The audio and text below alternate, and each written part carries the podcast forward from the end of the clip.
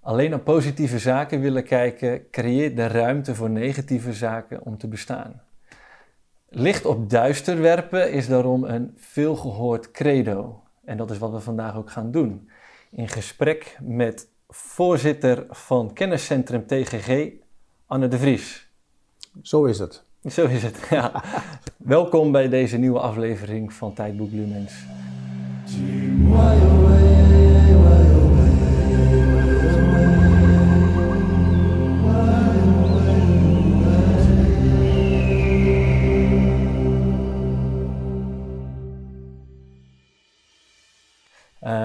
Voordat we beginnen, uh, op onze website www.tijdboeklumens.nl is deze opname als mp3 te downloaden. Daar kun je ook inschrijven voor onze nieuwsbrief en nog meer content uh, te vinden. Uh, financiële donaties en boekverkopen houden Lumens op de been. Dat houdt ons draaiende. En dat was het. Dus dank je wel daarvoor. laten wij van start gaan. Uh, TGG, de term TGG, waar staat dat voor? Het staat voor transgenerationeel georganiseerd geweld. Een, een hele mond vol. Mm. Uh, oorspronkelijk heette onze groep, onze beweging, onze stichting later uh, Alternatief Beraad. Nou, daar was een hele geschiedenis aan, was een soort geuzennaam. Maar dat moest heel erg uitgelegd worden en dekte de lading ook niet echt. Dus toen kwamen we op deze titel, die moet ook uitgelegd worden, maar die dekt wel beter de definitie waar we mee werken. Het gaat om uh, ingewikkeld seksueel geweld mm. op een langdurige periode, maar ook grensoverschrijdend over de generaties heen. Dus vandaar transgenerationeel. Ja, oké, okay, dankjewel. Um, nu kan ik me voorstellen dat als kijkers of luisteraars deze intro al horen, dat ze denken, daar ga ik niet naar kijken. Ja, ja. Um, vandaar ook mijn intro. Hè? Als we alleen maar naar de positieve dingen in het leven willen kijken, kunnen dit soort dingen blijven bestaan. Maar wat zou jij willen zeggen? Wat vind jij daarvan? Of wat is jouw. Nou, jij kan best wel vertellen wat ik zelf meegemaakt heb. Ik ben er tegenaan gelopen. Zo simpel is het. Hmm. Uh, als predikant uh, heb je gesprekken met een heleboel mensen. Ik heb veel gesprekken gehad met mensen met een uh, trauma-achtergrond. En een klein deel daarvan vertelde heel bijzondere verhalen. heel bijzondere ervaringen. die dus inderdaad onder de, wat nu TGG heet bij ons vielen. En dan kun je twee dingen doen, denk ik. Of stukken wat dingen. In ieder geval, je kunt denken van nou, uh, ik kijk wel de andere kant op. Uh, ik hoor dit aan, maar ik doe er niks mee. Of je denkt van, uh, help, wat moet ik nou toch in vredesnaam? Ik zoek een andere hulpverlener die het doet. Mm -hmm. Of je, je vraagt je af, wat, wat zegt mijn cliënt, wat zegt mijn, mijn gesprekspartner nou eigenlijk?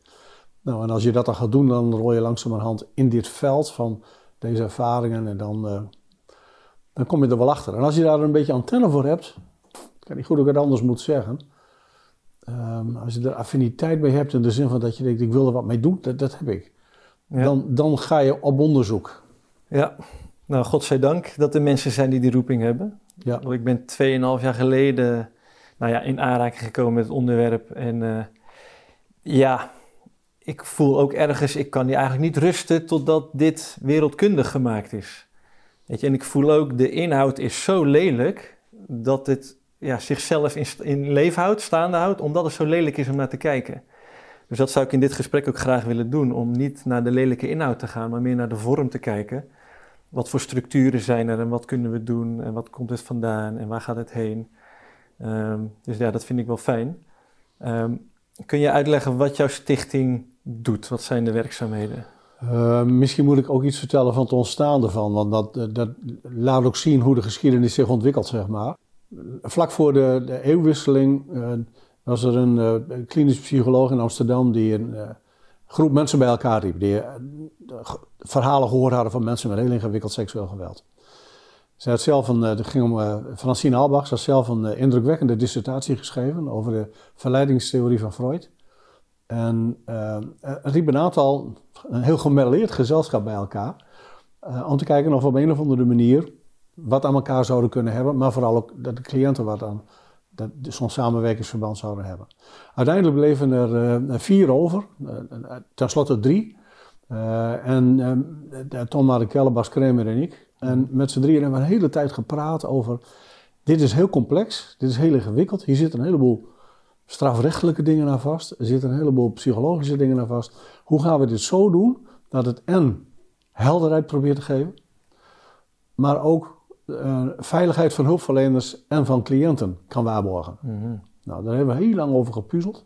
En uiteindelijk zijn we met een onderzoek begonnen onder hulpverleners. We hebben gezegd, we kunnen met name hulpverleners helpen die uh, tegen dit soort verhalen aanlopen en geen idee hebben waar ze ermee naartoe moeten. Want daar was geen platform voor, zeg maar. Laten we proberen of we en zo'n platform kunnen bieden, hulpverleners kunnen ondersteunen en kennis kunnen verzamelen. Nou, en dat is langzamerhand gegroeid. Eerste onderzoek ging uh, over de ervaringen van 28 hulpverleners. Dat hebben we ook gepubliceerd op een gegeven ogenblik op onze site. Het wordt op dit moment geredigeerd, uh, maar het is nog steeds gewoon beschikbaar. En uh, toen kwam er een wat grotere kring van mensen die ook professioneel hiermee te maken kregen. En uiteindelijk zijn we in staat geweest om een aantal symposia te beleggen waar veel meer mensen op afkwamen. En dat betekent dat er een uh, veel grotere kring van hulpverleners, maar ook van ervaringsdeskundigen, uh, nu als het ware de kennis ook probeert te verzamelen, aan te leveren, om dit toch wel min of meer duistere veld te verlichten. aanhakend bij waar je mee begonnen bent. Ja. Ja, daarop voortbedurend, waarom zouden mensen hier naar moeten kijken, naar, naar deze video of dit gesprek? Ehm, het fenomeen bestaat, maar hoe groot is het? Hoe groot is dit probleem? Dat is heel lastig te beoordelen. Uh, ja, als ik naar mijn eigen cijfers kijk, ik heb meer dan, met meer dan 400 vrouwen gepraat over trauma's in de loop van mijn jaren. Voorzichtige telling, ik heb het niet precies bijgehouden. En daarvan tussen de vijf en de tien hadden dit, dit soort heel bijzondere uh, dingen te vertellen. Echt anders dan, nog weer anders dan wat al die anderen te vertellen hadden. Mm -hmm. Misschien waren daar nog wel meer bij. Die heb ik gewoon niet opgemerkt of zo, of die hebben het nooit verteld. Maar er is een, dat soort percentage. Als je dat doorverrekent naar uh, mensen, het grote veld van wie allemaal getraumatiseerd zijn in Nederland, dan kom je toch al gauw een paar duizend aan uh, cliënten, aan slachtoffers, aan ervaringsdeskundigen die eronder geleden hebben. Ja. En dan heb je het over mensen met specifieke ervaringen. Ja, de, ik verwijs ook graag naar de, eh, de uitzending die uh, Argos Radio gedaan heeft, mm. waarbij ze 140, uh, voor zover ik weet, gekwalificeerde meldingen binnenkregen van individuen die zeiden dat ze met rituelen te maken hebben gehad, dat ze met uh, kinderporno te maken hebben gehad, kinderprostitutie, met mind control, al die dingen die bij elkaar dat cluster vormen waar wij onderzoek naar doen. Ja, ja. Ja, die uitzending heeft mij dus ook op dit werp, onderwerp geattendeerd. Ik uh, sloeg stijl achterover. Ja. Ik, ik, heb nog steeds moeite om die uitzending ook te bekijken aan, door de details die, die daar genoemd worden. Ja. Maar het heeft wel nationaal veel ophef, uh, stof doen opwaaien. En is er in de Kamer ook een unanieme motie aangenomen ja. om hier onderzoek naar te laten doen. Ja. Uh, wat, weet je daar iets van? Wat kun je daarover vertellen? Er zijn drie moties aangenomen, voor zover ik weet. De, degene die het meeste aandacht heeft getrokken is waarschijnlijk eh, de motie waarin de minister werd eh, opgedragen om een onderzoekscommissie, onafhankelijke onderzoekscommissie in te stellen. Mhm. Die heet dan commissie Hendricks, naar de voorzitter, Jan mm Hendricks. En die is bezig haar werk te doen en hoopt in de loop van dit jaar, aan het eind van dit jaar, tot een conclusie of een rapport te komen. Daar hebben wij ook al meegewerkt. We hebben daar uitgebreid contact over gehad met de commissie. Dat is de eerste. De tweede was het onderzoek naar de functie van het LEBZ. Dat, vergt zijn eigen uitleg. Ja. Dat noem ik nou kort even zo. Mm. En de derde was een motie dat, ik, dat de minister opdroeg om een onderzoek te doen naar het instellen van een meldpunt voor dit soort specifieke gevallen. en daar weet ik niet van hoe die zit. Het onderzoek naar het LEBZ is gaande. En de commissie Hendricks is het, denk ik, van de drie het, het verste heen om tot een conclusie te komen. Ja, ja. Um, wat zijn jouw verwachtingen van het onderzoek? Uh, dat weet ik niet goed. Ik heb uh, de hoop dat het, um, ja, dat het meer licht werpt op uh, wat er over te melden valt, zeg maar. Het is het eerste, nee, het is niet het eerste onderzoek. Er is in 1994 al een rapport verschenen door, door een commissie die ook door het ministerie, zeg maar, ingesteld was om onderzoek te doen. En die kwamen tot de conclusie dat er veel melding was, kwamen tot de conclusie dat er geen actueel bewijs, evidentie te vinden was. En kwamen tot de conclusie dat er verder onderzoek nodig was. En naar mijn idee doet uh, de commissie Hendricks dat nu, probeert dat nu, om verder onderzoek te doen. Ja. Dus dat vind ik positief. Ja. Uh, hoe het uitpakt, ja, dat weet ik niet. Dat is aan de commissie, die schrijven hun rapport. Het is hun rapport, dus of we er blij of niet blij van zijn, dat is, ja, ja, dat zullen, zullen, we merken. Ja, ja de, het is ook al een, een, grote stap dat de Kamer unaniem instemt voor een motie en unaniem bevestigt dat het fenomeen SRM bestaat. Ja. Sadistisch of satanisch ritueel misbruik. Ja, er zijn verschillende namen in de loop van de tijd aangegeven. Wij zijn uiteindelijk gekomen tot een, een definitie, een soort werkdefinitie, die toch al min of meer door veel mensen gehanteerd wordt nu, waarbij, we, uh, waarbij het rituele en het uh, sadistisch of satanische nog steeds wel een plek heeft maar waarbij het uh, een bredere formulering is. Om ook recht te doen aan een heleboel criminele activiteiten die ermee samenhangen en die vaak weinig aandacht krijgen. Mhm. Kijk, als hulpverlener kom je in aanraking met iemand die uh, afschuwelijke dingen vertelt en dan ga je op focussen. In de loopweg wordt ook nog verteld dat ze ooit versleept zijn met auto's om ergens in een of andere seksclub te werken. Of dat er foto's gemaakt zijn of filmpjes dat valt in de schaduw van die hele bizarre details. Dus hulpverleners, dat had ik ook, ja. neiging om daarnaar te kijken. Maar de rest van dat verhaal is minstens zo crimineel. Mhm. En uh, we hebben ons gerealiseerd dat het belangrijk was om die verbreding te doen, omdat uh, juist die andere vormen van criminaliteit die er omheen zitten, misschien wel een goede aanknopingspunt uh, vormen om echt in te kunnen grijpen. Want daar zitten dingen in die voluit aandacht van justitie hebben. Uh, kinderporno, kinderprostitutie, uh, mensenhandel. Dat zijn items die nu al spelen. Terwijl op het moment dat je zegt van het is uh, sadistisch ritueel geweld, dan komt het er in praktijk op neer dat justitie daar eigenlijk niks mee kan. Hmm. Daar komt er, of niks mee doet.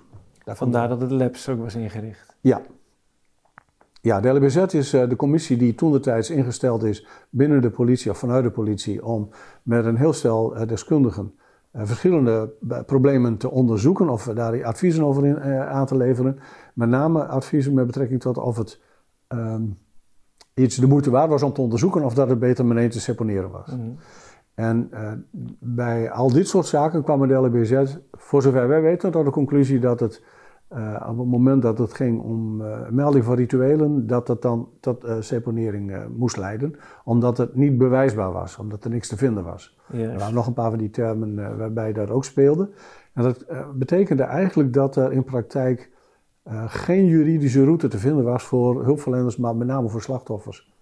Om echt ehm, door te kunnen dringen tot in de kern van het probleem en ook strafrechtelijk wat te kunnen, ja, te kunnen veroorzaken. Mm, mm, dat, mm. dat de gerechtigheid zou gebeuren. Ja. Nou, dat heeft lang gespeeld. Uh, maar dit, wordt nu onderzocht. Dus ik denk, nou oké, okay, uh, we wachten dat onderzoek af. Uh, nou ja, fijn dat die motie en dat onderzoekscommissie ja. Hendricks in ieder geval het bestaan bevestigt. Ja. Uh, en ik moest zelf even wennen aan de naam TGG van, maar eigenlijk eh, het, de oorzaak, de oorsprong schuilt al een beetje in de naam zelf weet, satanisch ritueel misbruik, dan ga je al gauw wijzen naar een kleine club. Ja. Maar transgenerationeel, daar zit al in van hé, hey, dit is gewoon iets wat mensheid breed voor kan komen. Nou, dus het suggereert ook al een deel van de oplossing. Klopt. Um, het, het, het, bijzondere doet zich voor dat er wel zat voorbeelden zijn van transgenerationele criminele organisaties. Uh, denk aan de maffia, uh, bij generatie na generatie zeg maar, in het bedrijf meedraait. Uh, andere vormen van criminaliteit die van generatie op generatie als het ware doorgegeven worden. Dat fenomeen is gewoon heel erg bekend.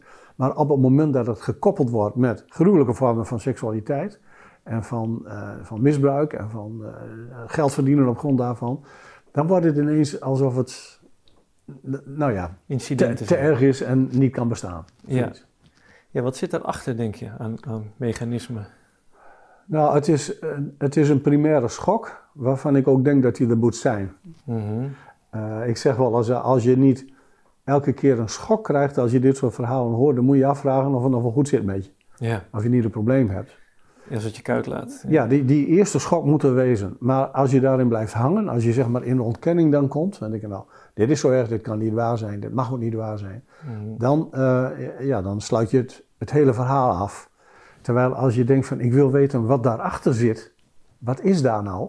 Ja. Dan begin je, dan kom je op het onderzoeksspoor, zeg maar, waar wij als uh, onderzoeksbureau proberen uh, nou, ik voel, helderheid te krijgen. Ik voel gelijk een bedankje opkomen voor de kijkers die tot nu toe nog hebben uitgehouden. Ja, absoluut. Ja. ja, het is gewoon geen prettig onderwerp. Nee. En, en uh, ik heb in eerste instantie ook gedacht, nou, dit wordt wel opgelost door anderen. Ja. Maar wat ik heb ontdekt, wat ik heb gezien, is er is niemand die dit op kan lossen. Want het is zo groot en het gaat zo diep. En dan met name als ik dan kijk naar beschuldigingen die richting overheidsambtenaren gaan. Ja. En dan vervolgens te horen krijg dat de overheid het zelf gaat onderzoeken. En dat allerlei behandelaren en overlevenden brandbrieven schrijven, moord en brand schreeuwen. Maar dat het toch wordt doorgezet. En denk oh. En dat is ook ja, onze motivatie om hier toch ook echt aandacht aan te geven.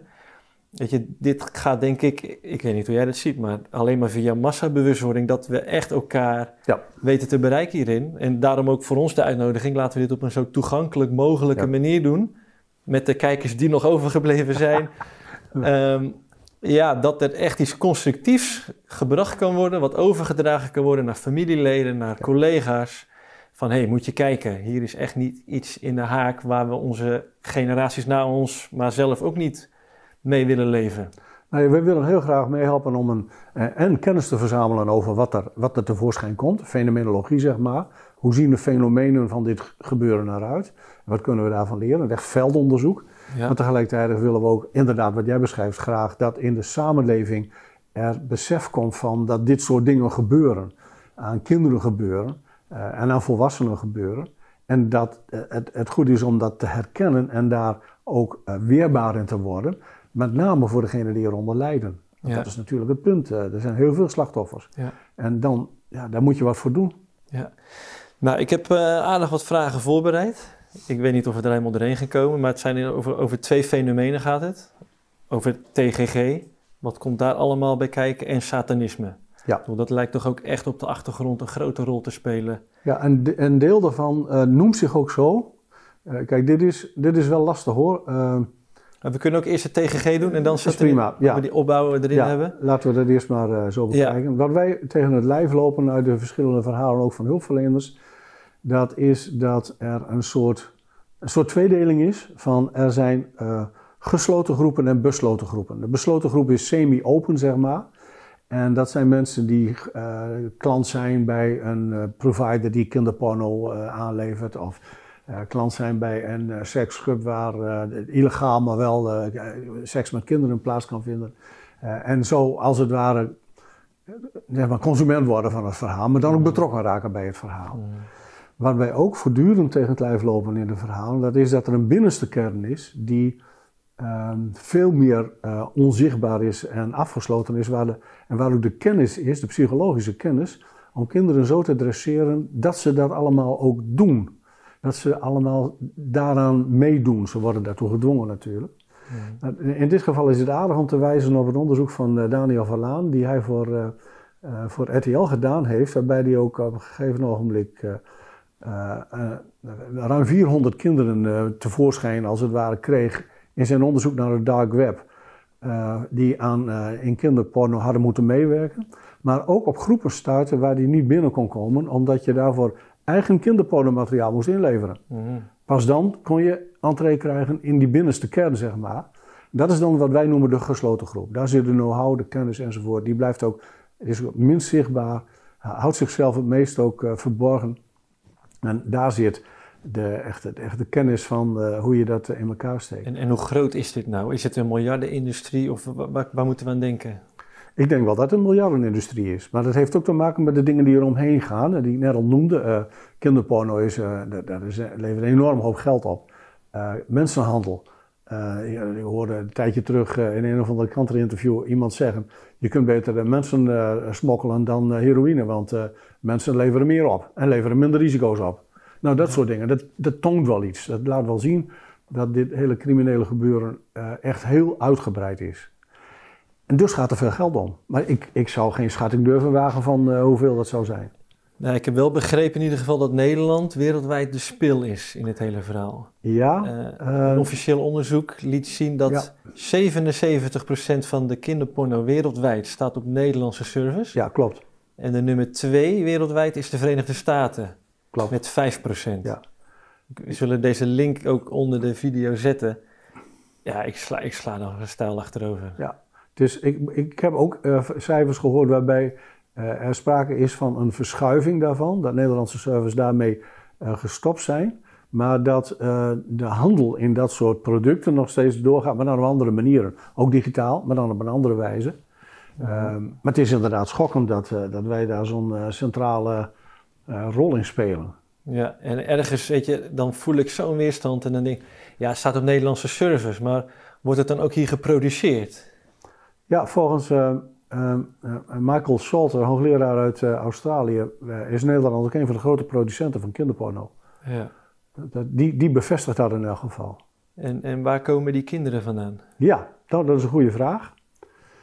Ehm, als je met mensen praat die zeg maar beroepsmatig zorgen voor kinderen, dan is dit een bijna ongelooflijk verhaal. Want in Nederland is elk kind geregistreerd. Van elk kind weten hoe het erbij zit. Mm. En er zijn, ik weet niet hoeveel instanties die ervoor zorgen dat het goed gaat met kinderen. Mm. Dit is onmogelijk. Yeah. Tegelijkertijd is het zo dat er uh, gemiddeld 1500 mensen weg zijn in Nederland. Per jaar? Per jaar. Elk jaar weer. 1500. Er zijn erbij die duiken weer op. Er zijn erbij die blijven weg. Er zijn er nieuwe die verdwijnen. -hmm. Er zijn kinderen die totaal onder de oppervlakte blijven. De, de, de hele affaire van Ruinewold heeft iets laten zien van dat je een compleet gezin als het ware onder de radar kunt houden. Nergens geregistreerd, nergens op school geweest. Totdat ineens uiteindelijk het openbreekt. Maar als het niet opengebroken was, dan waren ze nog onder de radar gebleven. En dat maakt dus dat je afgeholpen wordt van een zekere mate van naïviteit over onze georganiseerde samenleving. Er zijn dingen bij, er zijn hoeken en gaten bij waar we gewoon geen kijk op hebben. En waar dit soort dingen dus echt gebeuren. Waar kinderen onder de radar gehouden worden om kinderporno mee te bedrijven, om kinderprostitutie mee te bedrijven en al dat soort dingen meer. Ja, ja. ja ik heb ook wel eens begrepen dat uh, asielzoekers, dat die vaak hun kinderen kwijtraken.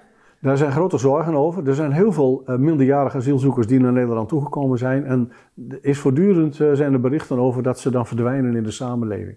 Dat ze niet meer op een of andere manier ondersteund worden of wat dan ook, maar, maar gewoon uit het zicht raken van alle officiële instanties. Uh, de enorme golf aan vluchtelingen uit Oost-Europa die nu plaats heeft gevonden, uh, daar was ook uh, heel veel goed bedoelende mensen die ontzettend goede dingen gedaan hebben. Maar er was ook voortdurende angst van wat gaan de mensenhandelaren daarmee doen. Want dat is, ja, dat is alsof het je in de schoot geworpen wordt. Ja. Zoiets. Ja, er is amper zicht op en er is al ja. chaos. Ja, nou, dan, ja, dan, ik, ik kan me dat zo'n beetje voorstellen hoe dat werkt. En, en weet jij het cijfer wat wereldwijd verdwijnt aan, aan kinderen nee. jaarlijks? Nee, ja, ik zie daar verschillende aantallen van voorbij komen. Meer dan een half miljoen, meer dan een miljoen. Ja. En eh, ja, ik denk, ja... Gaat om grote aantallen. Ja, ja. En wat ik ook wel, uh, waar wij ook wel tegen het lijf lopen in de interviews van hulpverleners, want dat doen we nog steeds.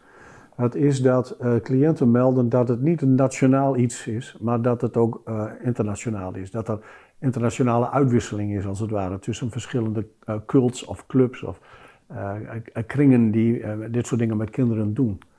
Ja, dan hebben jullie daarom ook bewust die extra G in jullie naam gezet? Want trans, transgenerationeel geweld ja. is al een heel groot ding, maar het georganiseerde ervan... georganiseerde, ja. Het lastige van dit hele verhaal is dat dit een soort criminaliteit is die er absoluut op uit is uh, om onder de radar te blijven. Mhm. En er absoluut op uit is om alles wat aan getuigenis verteld zou kunnen worden, om dat te verwarren. Hmm. kinderen uh, die misbruikt worden, die worden ook voortdurend voorgelogen, bedrogen waar ze bij staan. Uh, terwijl je dat van een kind niet kunt verwachten dat die dat kan doorzien. Ja. Uh, en dat, dat is een volstrekt directe strategie om ervoor te zorgen dat bij een eventueel later getuigenis het meteen al blijkt, ja, maar dit kan niet kloppen, want de data kloppen niet, de plaatsen kloppen niet, of de personen kloppen niet, of wat dan ook. Ja van meet af aan ingezet om ervoor te zorgen dat het een soort beschermende muur van uh, onze, onzekerheid, maar ook onjuistheid uh, rondom zo'n hele organisatie is. Ja, er wordt goed nagedacht over een rookgordijn. Ja.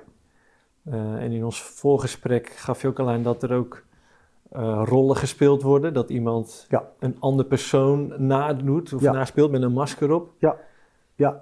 Er zijn wel verhalen over, ook hele simpele van, je trekt iemand een doktersjas aan en hangt hem een stethoscoop om de nek. En dan is het duidelijk dat doktoren ook meedoen. Of je zet iemand een politieuniform aan en pet op en hetzelfde verhaal. Tot en met getuigenissen die langskomen waarbij lokale of nationale beroemdheden of leiders of wat dan ook maar ineens genoemd worden. Dat kan dus. Ja. Of dat een fictie is of niet, dat kunnen we moeilijk beoordelen. Ja, het ondermijnt wel de geloofwaardigheid van de getuigenis. Ja, ja direct. Ja. En, en daarmee ook wat er met Argos naar voren is gekomen van, ja, klopt dat dan wel? Ja. Wat daar gezegd is. Wat klopt is uh, dat, er iets, dat er gruwelijk kwaad gedaan wordt aan kinderen.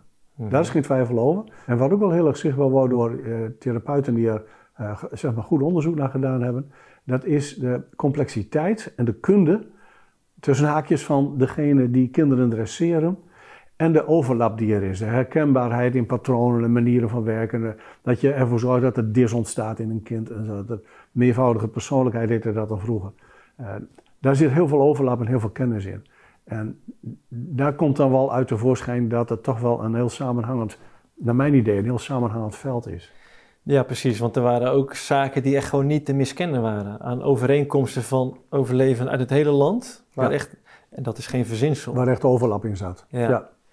Weet je, en voor mij ook de, de reactie van de overheid om het onderzoek niet onafhankelijk uh, uit handen te durven geven. Ja. Ja, wekt bij mij natuurlijk ook de, de nodige vragen op. Ja, en ik snap ook dat een aantal hulpverleners en uh, cliënten gezegd hebben van... wij gaan daar niet aan meewerken, wij vinden dit onveilig. Met name ook voor onze cliënten, dat snap ik ook.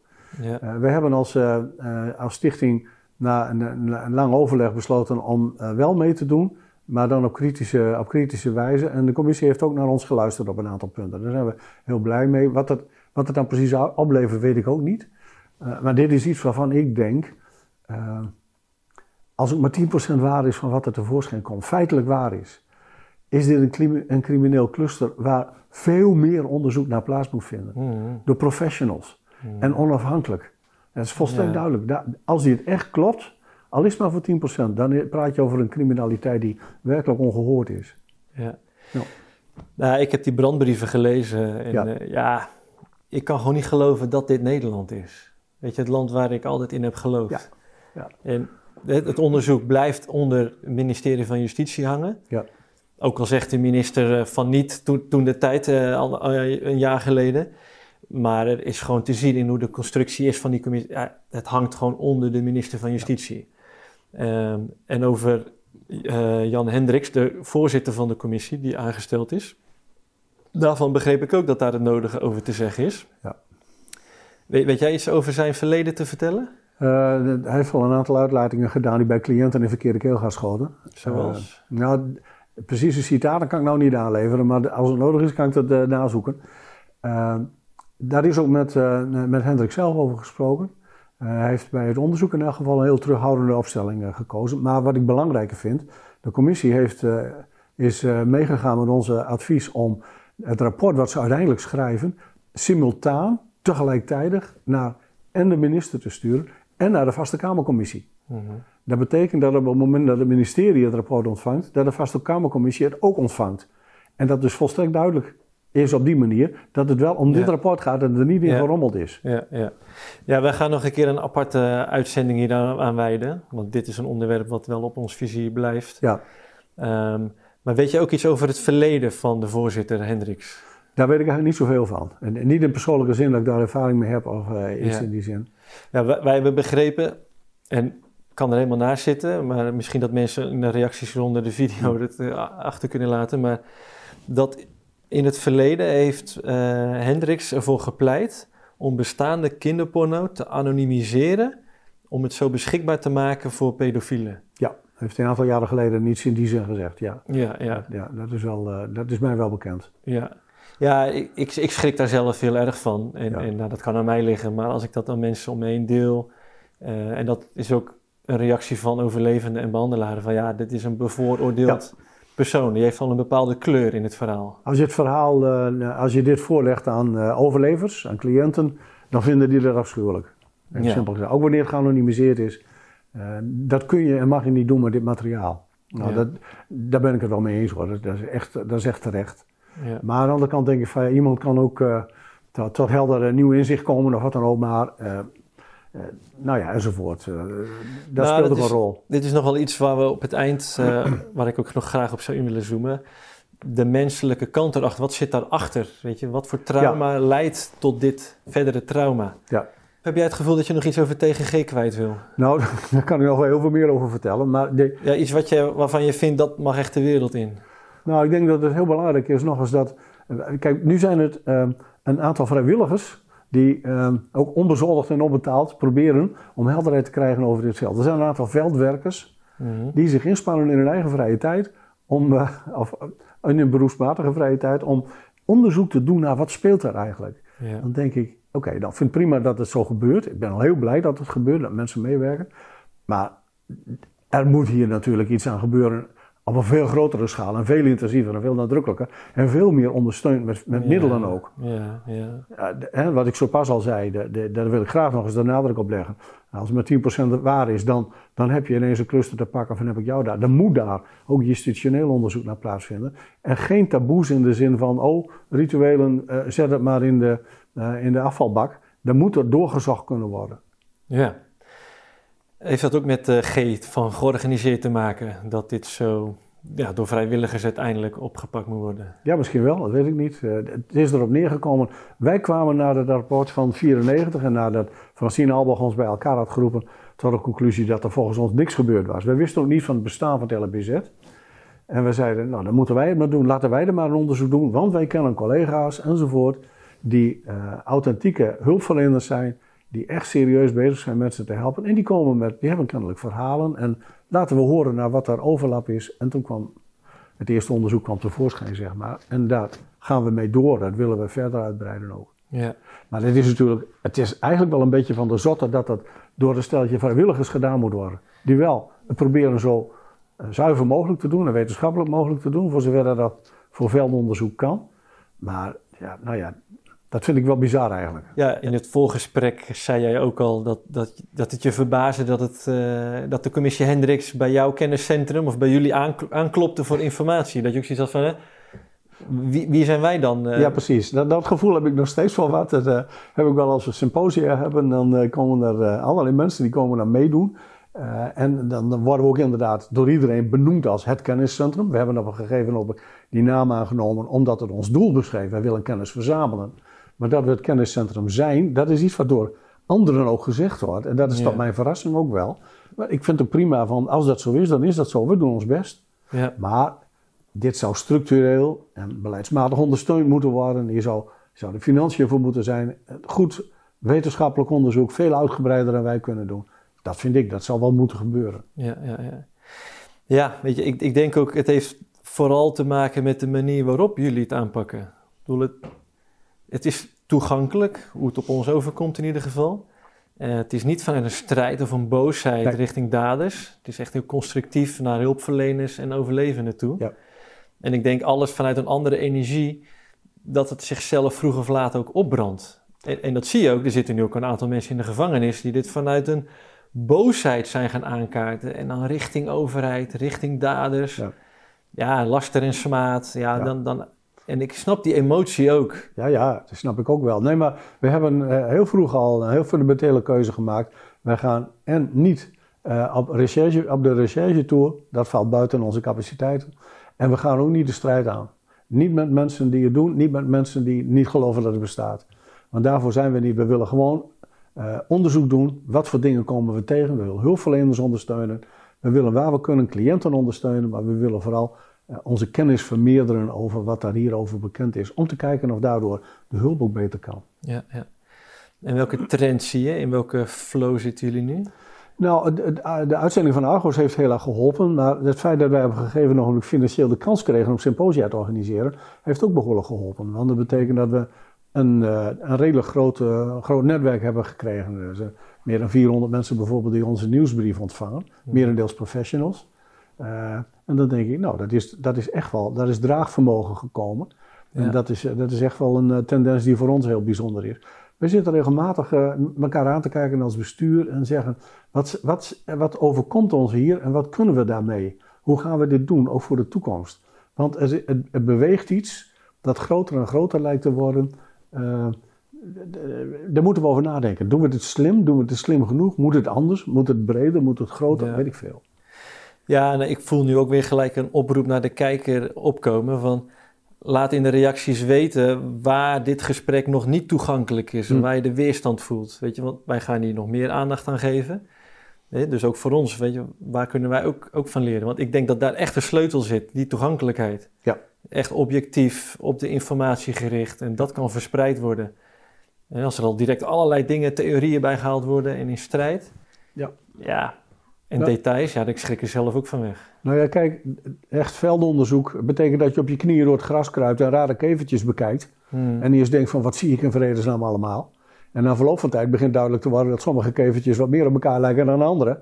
En dan begint de theoriewerking. Nou, er is al een heleboel theoriewerking ontstaan. Er zijn uh, ook uh, therapeuten die daar indrukwekkende dingen over geschreven hebben. Uh, wij geven als kenniscentrum zelf een boek uit van Alison Miller, een Canadese hulpverlener die een, staat van dienst heeft, en heb ik jou daar, die dat heel kundig beschrijft en, en ook mensen daarmee een handreiking geeft om zichzelf te worden, om heel te worden als het ware. Een indrukwekkend boek vind ik. Nou, dat soort dingen, dat, ja, dat willen we ook graag doen, maar dan gebaseerd op wat er aan fenomenen zich voordoen. En dan is de kunst natuurlijk om goed te onderscheiden van wat is waarheid en wat is misschien wel bedrog dat kinderen aangeleverd is. Mhm. Wat is eh, hun aangeleerd, maar wat is toch, waar zitten toch andere dingen achter enzovoort. Om helderheid te krijgen over hoe het in elkaar zit. Ja, ja, goed. Ja. Dat, dat het labs had dat ook uh, als, als hoofdmoot. Uh, dat ze als doel hadden dat mensen niet vals beschuldigd zouden worden. Ja. Ja. Nou, dat is natuurlijk een heel belangrijk aspect. Ja, daar zijn we het helemaal mee eens. dat het je hoofdmoot is ja. als centraal punt waar al die aanmeldingen moeten komen. Daar eh, stel ik dan wel mijn vraagtekens bij. Ja. Als hoofddoel. Maar ja, als je dat niet erbij pakt, dan, dan gaat ook je eigen geloofwaardigheid weer ten onder. Ja, ja. Als van alles geroepen kan worden en, uh, en een podium krijgt. Ja, nee, het moet echt goed uh, op een goede manier onderzocht worden, lijkt me helder. Ja.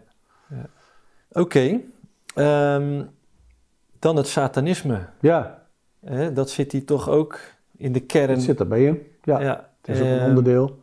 Niet alle groepen uh, waar wij tegenaan lopen of waar we wat over horen, noemen zich satanist, bepaald niet. Er zijn, ze zijn onder allerlei namen bekend en Soms wordt de term Satan helemaal niet gebruikt. Soms is het ook een schaduwafdeling van het christelijk gebeuren. Dat kan dus ook. Ik vind het bizar dat het zo is, maar het kan. Soms is het een bijna politieke manoeuvre. Even een zijspoortje, maar denk aan de ronseling van kindsoldaten in Afrika. Mhm. En de manier waarop die getraind en geïndoctrineerd werden. Nou, dat lijkt heel erg waar wij tegenaan lopen, zeg maar in West-Europa. Met kinderen en in Amerika en in, op andere plekken in de wereld. Satanisme is uh, in zijn uitgesproken vorm, nou redelijk recent, zeg maar van 150 jaar of zo is dat min of meer, dat is zich min of meer als georganiseerde vorm openbaart. Maar de fenomenen daarvan zijn oeroud. Afbeeldingen, praktijken, kinderoffers, uh, opgravingen met ik weet niet hoeveel kinderlijkjes in, in, in urnen en weet ik wat allemaal meer. Er zijn zat voorbeelden van dat deze praktijk al heel lang binnen de mensheid plaatsvindt soms als een wanhopig middel om het aantal kinderen te beperken. Dat, speelt soms ook een rol. Mhm. Eh, maar ook heel vaak omdat het uh, een heel verhaal erbij zit van dat er macht aan verbonden is en dat er kracht en energie uit voortkomt. Uh, mana, of hoe je dat dan maar noemt, als je een kind doodt. Nou, dat, dat soort duistere mhm. theorieën die spelen daar een rol in mee. Mhm. En dan heeft het hele diepe wortels. Het, het, is terug te vinden onder andere in de geschriften van de Bijbel. Eh, de Moloch noem ik vaak als voorbeeld, uh, afgod van de Moabieten, die uh, kinderoffers vergde door het vuur. Nou dat soort dingen, dat is, ja, dat is niet nieuw, dat is oud. En wat dat betreft is het een, een oude route die gaande is. Ja, ja bloed drinken heb ik jou zien schrijven.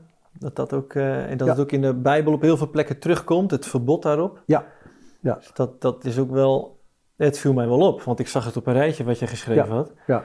Uh, het is bijna spastisch hoe daarover gesproken wordt. Ja, Zelfs in je vlees wat je eet, van dit mag er gewoon echt niet in. Hele scherpe verordening, daar mag je je niet aan begeven. Taboe. En mensen die vlees eten waar bloed in zit, die moeten verbannen worden uit de gemeenschap. Ja, klopt. Dat is echt wel, wel heftig. Maar het heeft ook tegen deze achtergrond zijn betekenis. niet alleen tegen deze achtergrond, maar het is een heel heftige tekst. Maar het laat ook wel iets zien van als je leeft in een omgeving waarin het niet ongebruikelijk is om kinderen te offeren en bloed te drinken dan, dan wordt het ineens duidelijk ook waarom het zo'n scherpe tekst is. Daar moet je uit de buurt blijven. Ja, echt meerdere plekken komt het terug in de Bijbel. Ja. En ja, ik word dan nieuwsgierig. Dat is van mijn aard. En dat zijn ook heel veel theorieën die voorbij komen. Ja. Uh, het stelletje satanisten drinken bloed. Ja. Zijn er bloeddrinkende satanisten? Ja, ja, ja, ja. ja, ja. Dat... ja, zit daar dan een kracht in of zo? Dat is de gedachte die er kennelijk uh, achter schuilt. En ik, dat, dat zeg ik omdat het in geschriften van, van satanisten wel zo beschreven wordt. Uh, Lavey heeft een soort uh, satanistenbijbel geschreven. Nou, het woord bijbel is eigenlijk volstrekt onzin. Want ik kan op geen enkele manier in vergelijking staan met de bijbel zoals wij die kennen. Qua omvang, qua kracht van, van documentatie en dat soort dingen meer. Maar goed, zo wordt het dan wel genoemd. Maar daar wordt het uh, ook wel in vermeld. En in andere geschriften van mensen die zichzelf satanist noemen. Dat als je iemand, iemand doodt, dat de, de, levenskracht daarvan, dat je die dan kunt inhaleren als het ware. En je kunt binnenhalen nou, door bloed te drinken van zo iemand. Eh, in oude vorm kom je het eh, tegen bij de, uh, bij de koppersnellers. Hè, de, de, de, stammen die dan elkaar beoorloogden. En op het moment dat je iemands hoofd, als het ware, kon afhakken en kon eten van zijn, van zijn lichaam, nam je zijn levenskracht ook mee, als het ware. Werd je ja, machtiger door en krachtiger. Nou, dat soort theorieën die spelen wel een rol mee in het hele verhaal. Ja. Dan ben ik mijn vraag even kwijt, want ik... Uh, ja, ik, ben, raakte op een heel ander spoor even. Nee, maar ik vind het gewoon zo mooi en, en bewonderingswaardig hoe je erover kan praten. Want het, bij mij, ik, ja, ik moet daar nog echt... Maar ja, je bent hier natuurlijk ook al langer mee bezig. Ja. ja. Ik moet erbij zeggen dat, uh, uh, ook wanneer we hier informatie over geven, Bas Kremer en ik doen dat ook regelmatig, dat we dan on, ons elke keer ook wel weer beurs zijn en van de eh, de primaire schok die het oplevert bij degene die naar ons luistert. Maar ook, naar, ook ons bewustzijn van de zwaarte van het verhaal. Als we dan weer een online workshop hebben gegeven, dan hebben, zijn we klaar. En dan, nou, dan kijken we elkaar eens even aan. Nou, poeh, zo'n jongen, jongen, het is toch ook wat. Ja. Echt wel zwaar spul wat we lopen te vertellen hier. Ja, maar jullie werken ook echt met de inhoud. Ja. En we hebben het hier nog niet eens over de inhoud. Nee. Nee, ja. nee dat klopt. Dat, is inderdaad zo. Ja, ja. Maar goed, dat satanisme, om daar nog even af te ronden, dan, dat heeft uh, een oude en uh, kronkelige geschiedenis. Uh, je kunt aan de fenomenen kun je het her en der herkennen. En het begint openbaar te worden zo rond de sfeer van de verlichting, zeg maar, in die periode waarin ook tegen de dominantie van de kerk in West-Europa, denk ik, er heel veel verzet kwam. En satanisme was ook een van die varianten. Die heel georganiseerd vervolgens zich begon te melden. Ja, het doet me denken aan de vrijmetselaars. Die, die waren heel nauw met de katholieke kerk uh, betrokken, eeuwenlang, tot aan de verlichting of de middeleeuwen. Toen hebben ze een afsplitsing gemaakt. Ja, ja. En die worden nu zo in verband gebracht met satanisme. Ja, ja er, worden, er zijn wel aanwijzingen of geruchten dat verschillende groepen ook inderdaad daar zijdelings mee te maken hebben. Ik ben er een beetje behoedzaam in, want je moet het echt kunnen aantonen uh, en wil je het ook voor waar vertellen, zeg maar. Mm. Uh, dus dat daar zijn wel, wat ik kan bevestigen, dat is dat er geruchten over zijn. Exact, en daar zou ik het ook willen, dat, is ook willen laten. Ja, ja, ja. precies. Weet je, die zijn hardnekkig, blijft terugkomen, het, het hoort bij het gesprek, maar we willen het ook vooral feitelijk en toegankelijk houden en, en, niet allerlei suggestieve dingen zomaar de wereld in slingeren. Nee. Dan gaat de kern uh, ten onder. Klopt. Maar er is dus een satanistenbijbel. Ja, zo wordt hij genoemd. Het is een soort uh, verzameling van ervaringen, aanwijzingen, een grimoire wordt het wel genoemd, geloof ik. En, en die is te bestellen op bol.com? Ik zou niet weten, nee. Ik, ik heb hem niet in mijn boekenkast staan. Maar is er dan ook een, een satanistenkerk waarbij je lid kan worden? Uh, in Amsterdam heeft, uh, ik weet niet of het nog zo is, maar er is een hele tijd een satanistenkerk geweest, ja, klopt. Het was ook deels een bordeel. Ja. En, uh, maar ze wilden graag een kerk zijn omdat ze minder belasting hoefden te betalen. Ja, ja. Nou, en dan kom je ineens op een heel belangrijk punt, de geldstroom. -huh. Want die speelt ook een heel fundamentele rol in dit hele gebeuren. Uh, je kunt dit allemaal uitleggen in termen van macht en overheersing en een heleboel filosofische of theologische of ideologische dingen eraan hangen. Maar het gaat er gewoon om centen. Ja. Het gaat om poen. Ja. En lui die geld eraan verdienen, smakken geld eraan verdienen. Ja, ja, En dat is ook een, ook dat is een spoor waarvan ik denk, onderzoeken, follow the money. En kijk waar je mm. terechtkomt. En kijk wat je ermee kunt doen. Ja, het is een gegeven dat uh, geld de wereld regeert inmiddels. Nou ja, want het is een van de. Eh, in, in een aantal uh, publicaties wordt het ook letterlijk zo genoemd: gaat om macht, gaat om seks, gaat om geld. Ja. Dat zijn de drie dingen waar het over gaat. En de geldstroom is een hele wezenlijk in dit verhaal ook. Ja, ja. Er leeft ook de gedachte bij ons dat voor sommigen het ook het hoofdmotief is. Ja. Dat, het eigenlijk gewoon gaat om ordinair geld verdienen ten, ten koste van kinderen. Ja. En hoe, hoe misleidt Satan de wereld? Hoe, hoe, het satanisme is dan een, een, beweging, maar zit daar dan ook echt Satan achter? aanbidden zij ook echt de entiteit Satan? Of hoe, zie jij dat? Sommigen. Sommigen. De, uh, satanisme is een uh, begrip dat uh, een, een, heleboel lagen kent. Voor zover we kunnen zien. Het is een heel verborgen iets. Het wil graag verborgen blijven.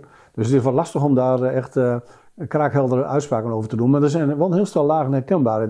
Een simpelste laag is die van, van iemand die in zijn hoofd boodschappen van Satan krijgt om een ander kwaad te doen. Hè. Dus om zoveel tijd gebeurt dat.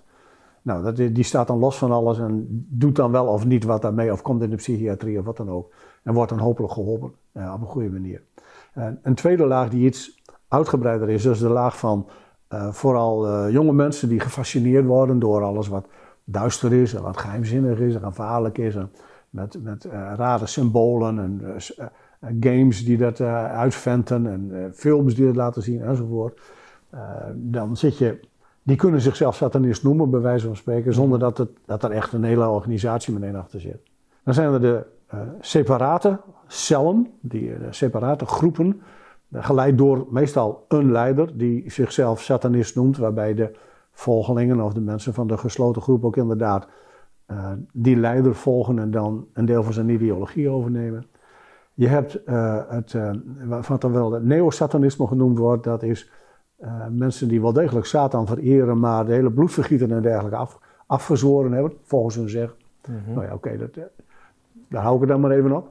Ze willen ook in de legaliteit blijven. Ja, nou ja, en, en, uiteindelijk kom je bij de, de hardcore, zeg maar. Het, mensen die ook inderdaad overtuigd zijn van het bestaan van Satan en die ook inderdaad willen dienen uh, en zich daaraan overgeleverd hebben. Soms ook uit wanhoop, soms omdat ze, uh, en dat, daar heeft de kerk zich ook aan te rekenen hoor, omdat de kerk ook wel eens erin, ook erin geslaagd is in de afgelopen eeuwen om mensen buitenspel te zetten. Uh, om bijvoorbeeld te zeggen van, ja hoor eens, of je bent uitverkoren om naar de hemel te gaan of naar de hel te gaan, en daar kun je niks aan veranderen je zult naar de stellige indruk hebben dat je naar de hel gaat, dan is het erg voor de hand liggend om te denken, dan moet ik Satan maar gaan dienen. Want bij God komen, dat wordt, dat wordt toch niet wat. Krijg je niet voor elkaar. Ja. En dat, is ook een, dat kan ook een deel zijn van motivering om te denken, ik moet die weg van, ik wil die, moet die weg maar volgen. Nou, is dat niet ook vergelijkbaar met de weg die Satan zelf afgelegd schijnt te hebben? Ja. Doordat hij een engel was, uh, verbitterd raakte of het niet eens was met, met zaken en zijn eigen pad is gegaan uh, om, om de evolutie, de schepping te dienen met verleiden en, en laten zien waar het nog niet klopt. Weet je, ook theologisch gesproken is dit een, uh, een verhaal op het randje. Op het randje van wat je als theoloog kunt zeggen of niet kunt zeggen. Ja. Wat ik wel merk, als ik zo de, de geschriften van de Bijbel doorkijk, dan zie ik wel dat de, de figuur van de Satan, in het komt in het Oude Testament al voor, daar is het wat diffuus. Uh, en, maar met name in de geschiedenis van Jezus en zijn kerk begint er ineens veel meer licht op te komen. Ook door wat Jezus er zelf over zegt en wat de Bijbel er verder over zegt. Het is net of u wat meer in het licht tevoorschijn komt. Mm Maar het blijft een per definitie verborgen figuur. Ja. Die wel erbuiten is, uh, zoals hij beschreven wordt, om uh, mensenlevens te regeren en te vernielen. En de schepping te vernielen, de samenleving te vernielen. Maar die ook heel graag in duister blijft. die vernielen in het licht komt. Ja. Maar goed, dan zit je in de Bijbelse theologie. Ja. En dan, maar dan zit je wel op het randje van wat je kunt zeggen, denk ik. Ja, ja, ja. ja, ja kijk, ik heb er zelf ook dingen over gezien. Dat is in een vorige podcast ook al besproken. Het is niet om daar nou weer helemaal op in te gaan. maar, ja. um, in mijn ogen is Satan echt een getraumatiseerd figuur, die oorspronkelijk niet eens zozeer vanuit de slechtste bedoelingen, intenties te werk ging, maar getraumatiseerd is geraakt met alle gevolgen van dien waar we nu mee te maken hebben. En dat ik me zo kan voorstellen met wat je net zelf ook zegt, dat mensen ook vanuit een soort trauma en mm. ongeloof nog in de liefde van Jezus, ja. of, of wat dan ook, oh ja. dat ze dan maar naar het duister gaan. Ja, ik, moet erbij zeggen dat uh, voor zover ik er zicht op heb, dat is ook maar heel beperkt denk ik hoor, dat, het, dat ik satanisme vooral kwalificeer in haar ideologie als een contrabeweging tegen het, zeg maar, het min of meer centraal-orthodoxe christendom. Maar dat er ook wel varianten zijn die bijvoorbeeld bij het Hindoeïsme een plek hebben. Of contra-orthodoxe Jodendom zijn. Dat is, lijken getalsmatig kleinere groepen te zijn, of, of minder groepen. Maar die bestaan wel. In de westerse wereld, West-Europa, Amerika, uh, nou ja, enzovoort. Daar, heb je, daar is vooral de contrabeweging tegen de kerk. En de katholieke mes, uh, nou ja, de katholieke mis moet ik zeggen, wordt omgekeerd. Ja. Uh, de, dingen, de betekenissen worden omgekeerd, de handelingen worden omgekeerd, woorden worden omgekeerd, teksten worden achterstevoren enzovoort. Echt een contrabeweging, zo openbaart het zich met name in onze, zeg maar in de eerste wereld. Ja, ja, dus eigenlijk het tegenovergestelde van wat, wat Christus kwam brengen. Ja. ja. Ja, interessant. En ik vind al heel wat dat je zoveel kunt vertellen erover. Want ik kan me ook zo voorstellen dat dit in de schaduw moet blijven, omdat de massa, zodra hij, die hier iets van ziet of merkt, actie onderneemt. En, en dus het moet wel in, de, in het duister blijven. Ja, ja het, is een, het, ook, eh, het is de aard van de criminaliteit ook. Die wil in het duister blijven. Ja, dus als zo'n bordeel in Amsterdam met zo... Ja, ja, dat is een fiscaal trucje. Ja, ja, ja, ja. Ja, maar het echte werk, zeg maar, dat, dat, dat is per definitie verborgen. Ja. Ook bij groepen die helemaal niet Satan als hoofd kennen of wat dan ook. Maar ik zeg het er nadrukkelijk bij. Het veld is veel breder dan alleen maar het satanisme. Of mensen die expliciet zichzelf satanist noemen. Ja, ja, ja. In ons voorgesprek liet je ook wat namen vallen van zaken die wel bekend zijn bij het grote publiek. Uh, zoals Dutroux. Ja. Uh, wat kun jij daarover vertellen? in de eerste plaats was het al een, een, sensationele ervaring en openbaring dat het dus mogelijk was. Dat iemand eh, kinderen en tieners eh, gevangen kon houden en seksueel kon misbruiken en vermoorden. Zonder dat er een haan naar kraaide. Dat er uh, videoopnames van kinderen gemaakt konden worden in de straat om te kijken of er potentiële slachtoffers bij waren. Dat, is dat was op zich al fenomenaal. Dat is iets wat mensen, de meeste mensen niet zouden kunnen bedenken dat dat bestond in West-Europa. Dus in die zin heeft het boven water komen van die zaak heel veel geholpen. Wat uh, vaag is gebleven, is de vraag, het antwoord op de vraag: was er meer dan dat? Mm -hmm. Was Dutroux een Einzelganger of was er een uh, complotwerking achter? En er zijn een aantal dingen die daar toch op lijken te wijzen. Fenomenen van getuigen die ineens overlijden. Uh, Hoeveel? ja, er waren een heel stel volgens mij. Ja, meer dan twintig dacht ik. Ja, die ineens de, de, het leven lieten. Om wat voor reden dan ook. Verhalen over een netwerk erachter, wat dan weer afgestopt zou nou, dan, dan wordt het ongrijpbaar op het moment dat je. Nou, ik, ik denk ook dat veel kijkers nu zoiets hebben van, maar dat was toch al bewezen gewoon een e-, eindshowganger. Ja. Dat is ook hoe het bij mij, in mijn beleving, de geschiedenis in was gegaan. Ik, uh, ik zeg als, uh, als waarnemer dat is in elk geval de conclusie die er getrokken is officieel. Ja. Maar ik hou de mogelijkheid open dat er wel degelijk een complot achter zat, of een groep, of een besloten groep, of wat dan ook. Maar ik sluit het niet uit. Ja, ja. ja en hoeveel is er nog meer? Dan kan je alleen maar, nog meer. maar gegeven vanuit het feit dat het georganiseerd is, hè, wat we al in het begin van het gesprek al, al, al duiden, ja, dan kun je daar al op voortborduren van, ja, er is heel, heel veel juist verborgen gehouden vanuit het, die organisatie waar heel veel geld in omgaat. Ja, en dus ook macht in omgaat. Ja. Dat is, moet je ook niet onderschatten. Geld geeft ook macht. Maar jij doet nu wat je doet en jullie stichting doen wat jullie doen. Waar gaat het heen en waar, ligt nou de uiteindelijke oplossing, denk je? Het zijn hele kleine stapjes die we doen. En voor sommige mensen gaat het veel te langzaam. Maar het is eh, eigenlijk de enige route die wij op dit moment met onze menskracht ook kunnen eh, bedenken en die we kunnen uitvoeren. Het gaat wat ons betreft uh, verder met verder onderzoek onder hulpverleners, zodat die niet het gevoel hebben dat ze met hun ziel onder de arm alleen staan in hun luisteren naar dit soort cliënten. Het gaat om systematiseren van wat we waar we achter komen. Hmm. Het gaat om uitfilteren van waar kunnen we de fictie eruit halen, zodat de harde kern van de waarheid uh, duidelijker zichtbaar wordt. Uh, ook graag met behulp van overlevers die vaak heel goed in staat zijn later om zich te realiseren: wacht even, maar daar ben ik bedrogen. Dat was, dat was wat er precies aan mij gebeurde. Dan, mhm. En dat is, het onderscheid is dan heel scherp en heel duidelijk. Dus daar, kunnen we heel veel hulp aan hebben. En ja, dan uh, denk ik, vind ik ook dat dit soort dingen, uh, maar goed, dat heb ik net ook al gezegd, dat het mhm. een, op een veel nadrukkelijke manier, wetenschappelijk enzovoort, zijn plek zou moeten hebben, ook in, het, in de hulpverlening van Nederland. En daar wil ik nog wel iets over zeggen. Ik heb heel veel respect voor mensen die in de GGZ werken. hebben het er uh, heel erg druk mee. Er zijn grote wachtlijsten. En mensen juist bij deze complexe problematiek, die lopen het meeste het risico om eigenlijk niet geholpen te kunnen worden. Het heeft te maken met budgettering, heeft te maken met protocolering, heeft te maken met verloop, heeft te maken met complexiteit van het probleem. Van, mijn lieve hemel, wat, hoor ik nu? Heeft te maken met dat de theorie hierover nog veel verder doorontwikkeld moet worden. Kortom, heel complex van ingewikkelde dingen. Ja, als ik het zo aanhoor, dan, dan voelt het dat jullie vooral echt aan de achterkant zitten. Ja. Dweilen met de kraan open.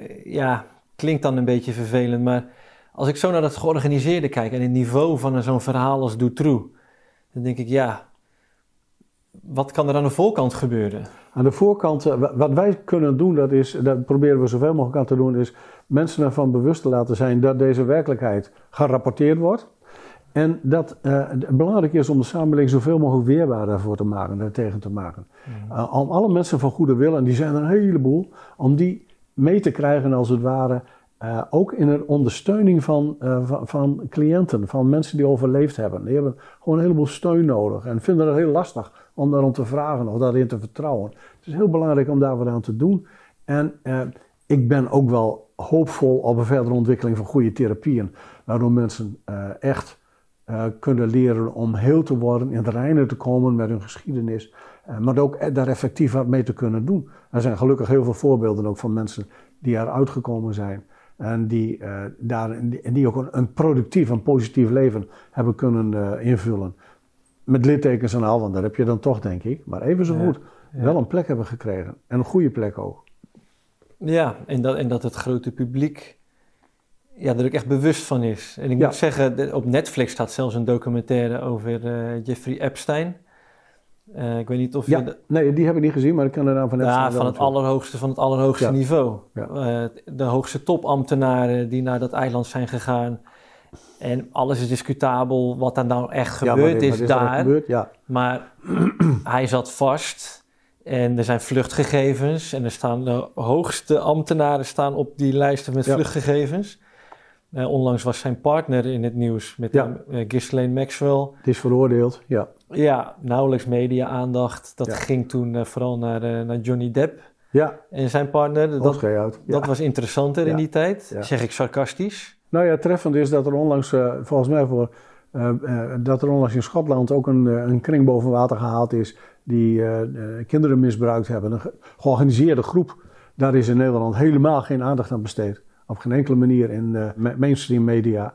Dan denk ik, ja, nou ja, oké. Eh, als je dat zo handhaaft, dan is het duidelijk dat uh, de grote menigte ook nergens tegenaan loopt. En niet hoort of wat dan ook maar. Terwijl het door de BBC netjes uitgezonden werd. Dan denk ik, ja. Soms willen mensen ook de andere kant op kijken. En ergens snap ik dat ook alweer. Ja. ja. Zou ik ook zelf liever doen. Ja. Maar ik weet gewoon, er, er is geen ontsnappen aan. Nou ja, ik denk aan die kinderen. Ja. Uh, ik, ik heb een, Daarom, uh, ja. een, een, mooie schilderij boven uh, hangen van een mevrouw waar ik een, een, tijd mee heb mogen praten. Van een, van een klein meisje op een bed dat doodsbenauwd is. Dat motiveert mij. Ja. Daar hoef ik maar even naar te kijken. En dan denk ik, oh ja, ik weet waarvoor ik het doe. Dan moet er naar gebeuren. Nou, ik heb één keer zo'n plaatje gezien. En dan, dat, ja, in ons onderzoek, dan kwam dat toch. En dan baal ik daar zo van. Het was gewoon een, een tekening. Ja. Maar dat, dat, dat ja, ja. komt heel erg binnen. Ja. Ja, echt. Weet je, en, uh, maar goed, het, het, motiveert tegelijkertijd ook wat je zegt. Eh, anders had ik hier misschien ook niet gezeten nee, met het hele team en toeters en bellen om, om dit toch een podium te blijven geven. Ja, uh, ja en, we, en we gaan zien waar, waar het heen gaat. Ja. Als we niks doen, gebeurt er niks. Zo simpel is het ook. Nee, ja. Dus het, het... Kijk, doofpotten zijn tot zover doofpotten, zolang mensen er, er, er, het loslaten. Ja, klopt. Maar als mensen blijven vragen, ja. ja, kan je blijven liegen wat je wil. Of uh, dan is geen doofpot uh, houdt stand. Je kunt heel lang een heleboel mensen voor de gek houden, maar nooit iedereen altijd. Exact. En dat is de hoop die er dan ook leeft. Ja, ik net een liedje van Bob Marley. Uh, Pieter Tosh, die zong dat. Oké, okay, dat weet ik niet. Ja, nee, toen ik jong was luisterde ik altijd al naar die teksten. Ja, ja. En nu, nu begrijp ik was veel lager dieper ja. waar het echt over ging. Um, het woord slachtoffer. Ja. je zei net al, het komt zo uit het verste verleden, voor zover we kunnen kijken zelfs waar het vandaan komt. En de Nederlandse taal, dat schijnt ook een oertaal te zijn. Uh, waarom noemen wij slachtoffers slachtoffers? Wat is jouw eh, gevoel erbij? Daar wil ik wel wat over zeggen. Ik denk omdat sommigen ook letterlijk geslacht zijn. Heel cru gezegd. Ja. Daar zijn wel verhalen over. Over mensen die hebben waargenomen dat een kind of soms ook een volwassene gedood werd en emoties werd gehakt of open werd gesneden of wat dan ook maar. Heel gruwelijke geschiedenis. Uh, het is ook een term, uh, ik wissel het ook vaak wel af met cliënt of met over, uh, overlever of ervaringsdeskundige. Ja. Want de, aan al die woorden kleeft wel wat. Ze, zijn, ze blijven ongemakkelijk omdat ja. de inhoud ongemakkelijk is. Maar voor de een is het ene woord beter toegankelijk dan de ander. Uh, dus het hangt ook een beetje vanaf van de situatie uh, hoe we spreken. Als, iemand een slachtoffer noemt, kan het ook betekenen dat hij daarin blijft zitten. Terwijl als ja. iemand een overlever noemt, dan, ik zeg dat wel eens tegen mensen van, ik maak me over jullie geen zorgen, over jou geen zorgen. Jij bent een overlever. Ik maak me zorgen over mezelf. En wat heb ik nog meegemaakt? Helemaal niks in vergelijking met jou. Ja. Dus dan is overlever is ook een geuzennaam die iets, uh, iets positiefs laat zien van, hier is een persoon ja. die heeft mogen overleven door wat voor reden dan ook maar. Ja. Dat is ook positief. Nou ja, enzovoort. Het is zoeken naar een goede term. Nou ja, ja ik, had, ik, ik stond nooit zo stil bij woorden. Maar nu, zeker in deze context, ja. voel ik uh, heel veel weerstand bij dat woord. Om, Ja. Omdat het ook zo duidend is. Ja. Echt, uh, dat denk ik van poef. Ja, en wat je zegt, het, het, blijft dan ook op die laag hangen, zeg maar. Ja, klopt. Ja. Ja. Um, ja. Als ik hierover praat, hè, nou ja, nogmaals, echt bewondering voor, uh, voor hoe jij dit op kan pakken. Ik voel echt mijn patronen aangeslingerd worden en mijn triggers. Van, maar diep van binnen voel ik van. Het, het waren ook allemaal maar babytjes die onschuldig geboren zijn in een gezin met een voorgeschiedenis. En we komen allemaal uit dezelfde bron. We hebben dezelfde schepper, of hoe je dat ook wil duiden. Um, ik voel, ik heb gezien dat alles een eenheid is met Mm. elkaar. En toch voel ik zo die triggers als ik hierover praat. Ik voel echt ook de, ja, de oordelen. Weet je, maar ja, wat kunnen we doen om daar niet in te verschieten? Want in mijn, oh ja, trauma veroorzaakt alleen maar nog meer trauma. Strijd, nog meer strijd. Ik voel wel, we mogen iets begrenzen wat schadelijk Ja, is. ja. Maar hoe kunnen we daders ook eh, losweken of, of eh, tot rust doen komen, eh, trauma eruit te halen? Ja, je weet wel een beetje waar ik naar op Ja, zoek ja, ben. ja, ja. Nou ja, wat wij tegen het lijf lopen bij mensen die dis, disproblematiek aangeleverd hebben gekregen of ontwikkeld hebben, dat is dat er soms ook zogenaamde daderdelen bij zijn. Bijna altijd gaat het erom dat kinddelen gedwongen worden om dadergedrag te vertonen. Het is dus de vraag of het echt daderdelen zijn. Want was het ook de innerlijke keuze van dat kinddeel om dat te doen? Waarschijnlijk niet. Maar je wordt wel zo gedwongen dat je moet enzovoort. Dus dat is een heel complex verhaal. Dat maakt het ook heel ingewikkeld om die... Uh, en die hebben wel recht op hulp. Ja. Ook, ook recht op hulp. ja, het zijn zo goed slachtoffers. Ja, ja, zeker. En met name ook als het transgenerationeel is, dan ben je wel als onschuldig kindje geboren misschien, maar je, dan word je wel in een setting geboren waarin die onschuld onmiddellijk om zeep geholpen wordt, bij wijze van spreken. Ja, Dan moet er ergens een keer hoog geroepen worden. ja. Kijk, Nou, ja dat- precies. Ik, ik heb er ook al echt een sterk gevoel bij, wat ik er ook zeker aan toe wil voegen. Ieder mens op aarde heeft ook zijn eigen verantwoordelijkheid. En de keuze om nee te zeggen tegen het kwaad van het verleden. Ja, je kan er altijd weer uitstappen. Dat is een mooie. Nou ja, kijk, ik denk aan een van de, de tien geboden waarin staat eer uw vader en uw moeder. Die ben ik heel vaak tegengekomen, ook in incestgesprekken, omdat daarmee de incest eh, zeg maar, goed gepraat werd. Je moet je vader en moeder eren, als het Ja. binnen het gezin zich afspeelde. De rabbijnen van Israël, de oude leermeesters, die zeggen daarover, alleen in het goede. Je mag je ouders alleen eren in het goede. Je mag ze beslist niet volgen in het kwade. Nou, en ik zal niet zeggen dat, dat dat altijd praktisch te doen is, maar volgens mij heeft elke nieuwe generatie de kans en het recht om nee te zeggen tegen de kwaad van het verleden. En daar moedigen we mensen ook toe aan. Ja, Om patronen te stoppen en op een nieuw spoor te gaan zitten. ja. Ja, wat ik daar ook bij, bij voel. Hè. Kijk, ik ben vooral dan in het diepste, het donkerste gedoken. Terwijl de TGG, eh, dat vond ik zo'n mooie term, want het maakt het ook zoveel breder en het doet zoveel recht aan wat er echt allemaal speelt. Ja. Maar ik kan me zo voorstellen dat de mensen, de daders, zelf een soort overtuiging hebben dat ze beyond a point of no return zijn. Ja. Dat, dat het geweten dusdanig is uitgeschakeld van ik kan nooit meer opgenomen worden in deze samenleving. Wat ik heb gedaan is verre van vergeeflijk. ik hoef niet eens een poging te doen. Ja, klopt. Ja, ja. ja. ja, vanuit mijn theologische opvatting zeg ik van ja, dat is onzin. Mhm. Want er is vergeving. Mm uh, ik bedoel, dat is kort door de bocht, maar zo is het dan wel. Ja, ik voel het ook. Ja, maar uh, dat mensen in de praktijk zo denken, die wanhoop van ik ben, daar, ik ben afgesloten van het licht, ik moet het pad van de duisternis volgen. Ja, dat is feitelijk denk ik inderdaad voor veel, uh, voor veel daders het geval. Dat vermoed ik tenminste. Ja. En ook omdat het systeem zichzelf in een wurggreep houdt. Hmm. Denk nog eens aan die gesloten groepen waar Daniel van Laan tegenaan liep. Hè? Die, die binnenste, die, dat wordt ook wel hurtcore genoemd geloof ik die binnenste groep waarbij je alleen maar binnen kunt in zo'n chatroom als je eigen materiaal aanlevert. Op het moment dat je dat doet, ben je door en door chantabel. Ja, ja, ja, je houdt elkaar in de wurggreep. Ja. Nou, dat is een zichzelf in stand houdend systeem. Dus dat, daar kun je heel wanhopig in zitten, denk ik. Nou, dit, dit hoor ik veel terug. Het chanteerbaar maken van elkaar. Waardoor extreem steile piramides mogelijk zijn. Extreme machtsstructuren. Klopt. Waarin mensen echt ja, gedwongen worden om van alles te doen. Terwijl dat in onze ogen, gewone mensen tussen haakjes zeg maar, hele machtige figuren zijn, veel invloed, maar zelf net zo goed uh, slaaf zijn. Klem zitten. Ja, helemaal klem zitten. Ik wil er nog wel bij zeggen dat, ik noem nou het woord vergeving, daar is een heleboel over te zeggen. Het is niet simpel. Mm Dat is geen simplistisch uh, begrip. Dat is een ingewikkeld begrip waarbij uh, allerlei dingen een rol meespelen.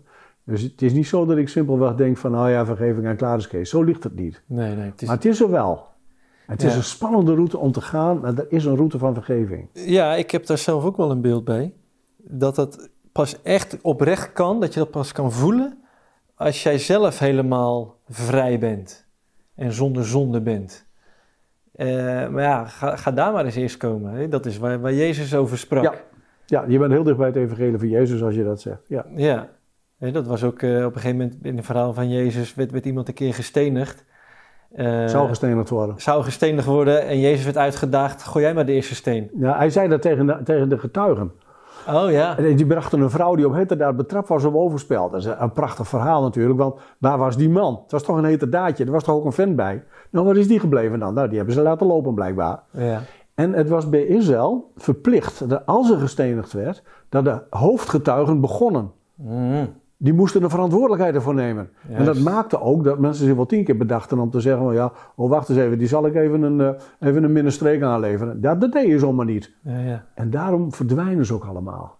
Ze gaan, allemaal, gaan allemaal weg. En dan zegt Jezus tegen die vrouw: zijn ze allemaal weg? Ga rustig weg. Ik veroordeel je ook niet. Probeer een goed leven te leiden. Uh. Klaar. Is ineens in de ruimte. ja, super toch? Nou, een prachtige geschiedenis. Ja, zeker. Ja, en wat mooi dat we met een pastor uh, zitten. ja. ja. ja. Um, de afkorting van het LBZ, uh, eh, of waar staat het voor, de LBZ? LBZ is uh, een landelijke expertisegroep bijzondere zedenzaken. bestaat uit, nou ik heb begrepen, een stuk of 25 hooggekwalificeerde professionals, hoogleraren onder andere. En zijn een onderdeel van een adviesgroep ten opzichte van de politie om uh, ervoor te zorgen dat uh, de politie zeg maar, haar zaken goed kan, kan doen en goed kan afronden. En de LBZ is na 1994 ingesteld en is al snel overtuigd geraakt van de gedachte dat uh, dit soort TGG-dingen eenvoudigweg niet te bewijzen zijn. Er is geen evidentie voor na onderzoek. En daarom is het verstandig om alles wat met ritueel geweld te maken heeft, of alles wat met hervonden herinneringen te maken heeft, en nog, een paar, nog, nog iets anders, om dat bijvoorbeeld, daar bijvoorbeeld het advies bij te geven, dat moet je separeren uh, als politie. Daar moet je geen onderzoek naar doen, want het kost een heleboel menskracht. Dat betekent dat je andere dingen niet kunt doen. Het is een manier om valse aangiften, zeg maar, te vermijden. En het grappige is dat er ook, of bijzonder is dat er ook een heel wat jaren op de site van de LBZ zo gestaan heeft. En ook dat, uh, we hebben een gesprek gehad met twee coördinatoren van het LBZ. En die zeiden dat ook gewoon hardop. Het is, wij zijn erop uit om te voorkomen dat er valse aangiften gedaan worden. Uh, maar dat betekent dus ook dat er geen onderzoek gedaan is. Ja, ja. Dat een heleboel dingen bijvoorbeeld zijn blijven liggen. Ja, wat me dan zo opvalt, van er is toch hartstikke veel bewijs, en dan heb ik het niet over getuigenissen, maar er is toch de kinderporno die massaal aanwezig is. Dan weet je toch dat het bestaat? Ja, lijkt mij ook. Nou, het is de, de combinatie met die velden, dat is uh, denk ik voor het LIBZ wel een lastige. Uh, dat wij dat combineren. Dat we zeggen, kijk, waar wij naar kijken, dat heeft vertakkingen op al die terreinen. Op kinderporno, kinderprostitutie, uh, mensenhandel, vaak ook drugshandel, vaak ook criminele geldstroom, witwassen, al dat soort dingen. Dat is allemaal belendende percelen, zeg maar, in brandweertermen. En dat is ook gaande en daar moet je ook naar kijken. Ja, ja kijk, ik, ik probeer dan graag de, de onkunde of hè, maar, uh, het voordeel van de twijfel te geven, zeg maar. Maar als zo stellig geclaimd wordt uit de Nederlandse overheid dat het ook wereldwijd niet zou bestaan, denk ik ja, dan ga je echt voorbij aan al die kinderporno. Dan, ja, dat is onzin. Ja, ja want je, dan, dan, dan, dan wil je het niet zien, denk ik. Ik denk ook dat wat dat betreft, voor zover ik kan waarnemen, de Nederlandse situatie uh, wat een uitzonderlijke is. Binnen West-Europa ook. Ik weet dat uh, in Duitsland onder andere veel meer samenwerking is. Maar al die, al die disciplines die proberen te onderzoeken hoe dat zit. Ook inclusief alle rituele dingen die spelen en mogelijk satanisme. Dat wordt gewoon meegenomen in een grondig onderzoek en levert ook regelmatig resultaten op. Ja. En dat schijnt, uh, onlangs schijnt er in Schotland zoiets te boven water zijn gekomen. Er gebeurt wel degelijk wat in, uh, in wereldwijd verband. Alleen, het, heel bijzonder, Nederland is een eiland. Hier gebeurt het niet blijkbaar. Nou, dat, nee, daar ben ik niet naïef genoeg voor om dat te geloven. Ja, nou, ik, ik heb in mijn uh, poging dan nog om een andere uitleg te vinden, heb ik nog bedacht van, nou ja, misschien is dit een hele bewuste, goed bedoelde doofpot om iets binnen de gelederen op te lossen zodat het niet zoveel paniek veroorzaakt. Ik bedoel, als, je, als je overheid van alles en nog wat heeft uitgespookt, ja, wat dan? Dan, dan, dan komt er een soort machtsvacuum. dus, maar dan denk ik vervolgens, los het dan ook echt op. Ja, los het ook echt op. Nou ja, wij zeggen niet dat de overheid dat doet. Laat het duidelijk zijn. Nee. Eh, de, de, wij weten wel dat er geruchten zijn over overheidsdienaren die daarin genoemd worden. Dat is duidelijk. Ja. Maar of het ook bewijsbaar is en of het klopt en of het gefingeerd is of uitgespeeld is door dubbelgangers, dat weten wij niet. Kinderen kunnen op alle mogelijke manieren bedrogen zijn. En soms komen ze daar ook achter dat dat zo is. Daar moet je ook ruimte voor houden. Uh, in je gedachten. Dat, dat, dat er een klinkklaar bewijs in dit opzicht soms gewoon heel lastig is. Ja. Uh, een zekere mate van voorzichtigheid, nou ja, dat is gewoon noodzakelijk om te doen. Ja. Nou ja, we gaan de onderzoeksresultaten afwachten van de commissie Hendricks. Ik bedoel, uh, ja, ik vind het dan fijn om te horen dat de onderzoeksresultaten niet naar de minister hoeven, maar parallel naar de Kamer gaan. Tegelijkertijd weet ik hoe die commissie is ingericht. De minister heeft de bevoegdheid om tussentijds plan van aanpak te, te wijzigen, commissieleden te ontslaan, nieuwe te benoemen. Dus dan denk ik weer van ja, er kan zomaar iets van tevoren nog eventjes gecheckt worden en dan. Weet je, maar ik wil er ook niet in, in, in doordraven. Het lijkt erop van niet. Het uh, plan van aanpak is volgens mij door uh, de overheid niet gewijzigd. En de commissie is niet van, van, samenstelling veranderd. Kijk, dat zijn goede dingen. Zoals het nu is. Ja. Er blijven wel genoeg zorgen, ook bij betrekking tot de veiligheid van de cliënten en de, de, de vertellers, zeg maar, de mensen die, die erover rapporteren.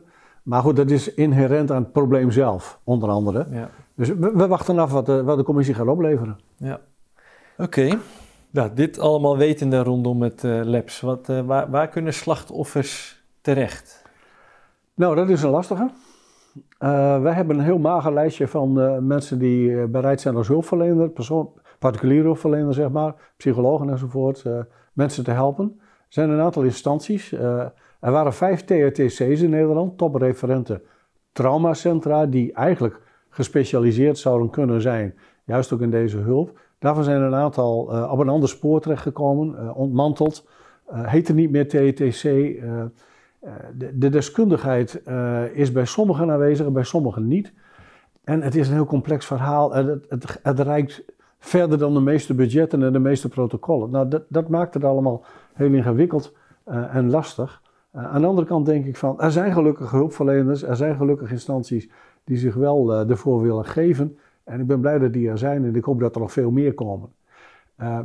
Wij verwijzen wel eens door, we krijgen ook wel eens een enkele keer een hulpvraag binnen van een overleven. Van wie, waar kan ik iemand vinden? Of van een hulpverlener die zegt: Ik heb een cliënt, maar ik heb iemand, nou ja, ik heb ondersteuning nodig of wat dan ook.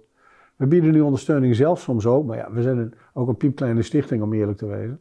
Dus wat, het beste wat we kunnen doen, dat is uh, het zoveel mogelijk bekendmaken en symposia organiseren. Dat doen we dan ook. En in de lijn van die symposia is om ook in de totaliteit de breedte zeg maar, van het veld zichtbaar te maken. Dat betekent dat we soms ook aandacht geven op wat voor rol spelen gezinnen erin en generaties. Uh, soms uh, kunnen we aandacht besteden aan uh, mensenhandel, of opvang van mensenhandel, of kinderprostitutie of kinderporno. Dat zijn die belendende verhalen. En, en, meestal is er ook een onderdeel bij waarbij gewoon een ervaringsdeskundige onverbloemd haar verhaal vertelt. Hmm. Met punten en alles erop en eraan. Hmm. heel indrukwekkend vind ik dat. Echt, ik vind het buitengewoon moedig als ze dat durven. En uh, ja, daar willen we ook heel graag platform voor bieden.